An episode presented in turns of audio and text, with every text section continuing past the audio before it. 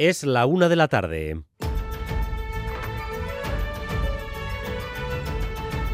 Crónica de Euskadi con Dani Álvarez. A Rachaldeón, el recurso del gobierno vasco contra la ley española de vivienda lleva el debate sobre el acceso a la vivienda al epicentro de la campaña electoral vasca.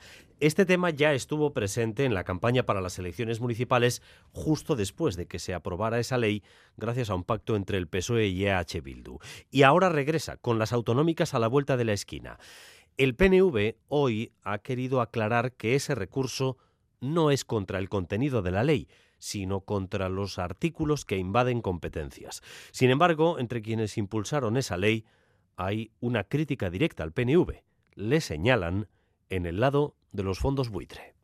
Pues que no estamos hablando del contenido de la ley, estamos hablando del respeto al, al, marco competencial o no. No podemos normalizar actos como el del gobierno vasco, porque esos actos emiten justo el mensaje contrario al que la ciudadanía de Araba, Vizcaya y Guipúzcoa están demandando. Políticas activas para defender su derecho a la vivienda por encima de la posibilidad de especular lo cierto es que ese recurso tiene una parte de pugna política e ideológica, como escuchan, y tiene también un trazo fino jurídico en el que los límites son muy, muy difusos. Los recursos, de hecho, han llegado desde instancias tan diversas como la Comunidad de Madrid o el Parlamento de Cataluña. Esto cuando ya se ha firmado el decreto de convocatoria de elecciones, y Manuel Manterola. Sí, a las 8 de la mañana el Endacari ha firmado el decreto que disuelve el Parlamento Vasco y convoca las elecciones para el 21 de abril. Mañana se publicará en el boletín oficial lo que dará el pistoletazo de salida a la cuenta atrás de 54 días hasta el día de los comicios y los plazos correspondientes para la publicación del censo, el voto por correo, presentación de candidaturas y la campaña electoral, claro, que arrancará a las 0 horas del 5 de abril. El PSOE le enseñó a Ábalos el viernes la puerta de salida, pero el exministro se resistía. Así que hoy le han cogido y le han llevado hasta la misma puerta. No puede seguir. Plazo 24 horas, aunque de momento sin novedad, Isarobaza. Pues de momento José Luis Ábalos no ha respondido al ultimátum de la Ejecutiva Socialista. El PSOE ha dado 24 horas al exministro para que deje su acta de diputado. Ahora está por ver si Ábalos accede a la presión socialista u opta por seguir como diputado en el Congreso, pero pasándose al grupo mixto. El PSOE además registrará en el Congreso una petición de creación de comisión de investigación para analizar la compra de material sanitario desde las administraciones públicas en la época del coronavirus. Las diputaciones vascas ajustan sus normas para que la economía digital contribuya como el resto de los negocios. Según han transmitido las diputaciones a Radio Euskadi, Airbnb, Wallapop y hasta las criptomonedas tienen que pagar por lo que se genera no más escaqueo. Rodrigo Manero. Sí, por orden de Europa, desde enero las plataformas digitales están obligadas a informar a las haciendas de todas las operaciones que hagan sus clientes si superan las 30 transacciones al año o los 2.000 euros de valor. Los intermediarios de criptomonedas también están compartiendo los saldos de todos sus usuarios. Siempre ha habido que declarar las ganancias patrimoniales en IRPF, pero ahora las diputaciones avisan de que tienen más medios para asegurarse de que nadie se escape, aunque el dinero venga de Internet.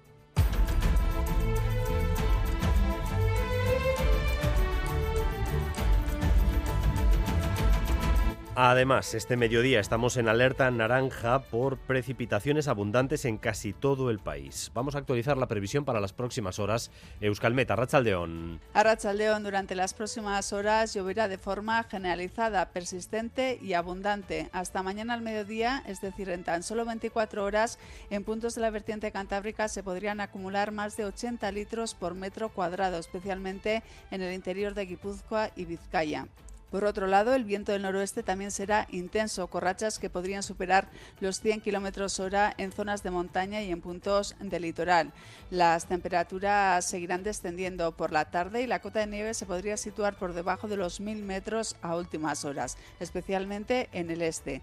Y a todo esto tenemos que añadir que habrá muy mala mar con olas que podrían rondar los 5 o 6 metros por la noche. Enseguida visitamos los diferentes territorios para ver cómo está evolucionando esa borrasca pero además les estamos contando también que este miércoles arranca su novena edición Surf Film Festival. Es un festival audiovisual sobre surf referente en toda Europa. El programa de este año abarca sobre todo documentales con imágenes espectaculares recabadas en todo el mundo y el 70% de las películas que se van a ver en el festival, en Ichas Museum de Bilbao y en Muxiquebarri de Guecho, serán estrenos mundiales. Habla Claudia Casado, organizadora de este Surf Film Festival. Un programa que incluye un total de 60 películas, 50 cortometrajes y 10 largometrajes, que cumplen con los estándares necesarios del festival, que son la temática, calidad técnica y narrativa y la actualidad. Eh, las 60 películas seleccionadas provienen de 20 países diferentes en los que podemos destacar Brasil con 8 películas, Australia con 6, Francia con 6 y Euskadi con 6.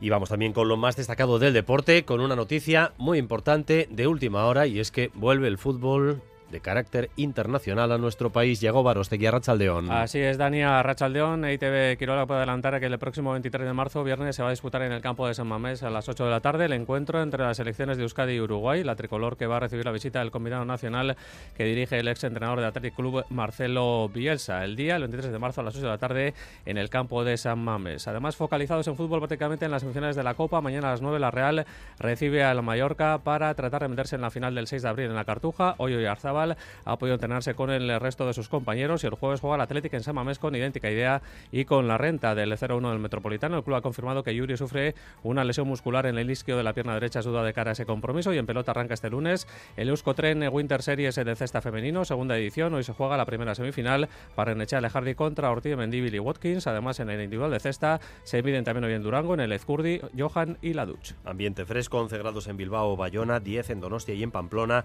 8 grados de temperatura en Gasteiz. En el tráfico, precaución en la N1 en Lasarte. El accidente de un camión ha obligado a cortar un carril en cada sentido. Así que en esa zona, tráfico lento. N1 Lasarte. Y además una mujer ha fallecido esta mañana en Navarra, también en un accidente de tráfico. Mayalen Galparsoro. Sobre las 7 de la mañana, la conductora de 38 años se ha salido de la vía con su coche en la Navarra 2410 en Urdiain, en la carretera que recorre la Sacana, y ha chocado contra una estructura de hormigón en la cuneta. La mujer ha quedado atrapada y tras ser liberada por los bomberos, herida de gravedad, ha sido trasladada al Hospital Universitario de Navarra, pero finalmente ha fallecido. La policía foral se encarga ahora de investigar lo ocurrido. Gracias un día más por elegir Radio Euskadi y Radio Vitoria para informarse. Raúl González y José Ignacio Revuelta se encargan de la dirección técnica, María Cereceda de la coordinación.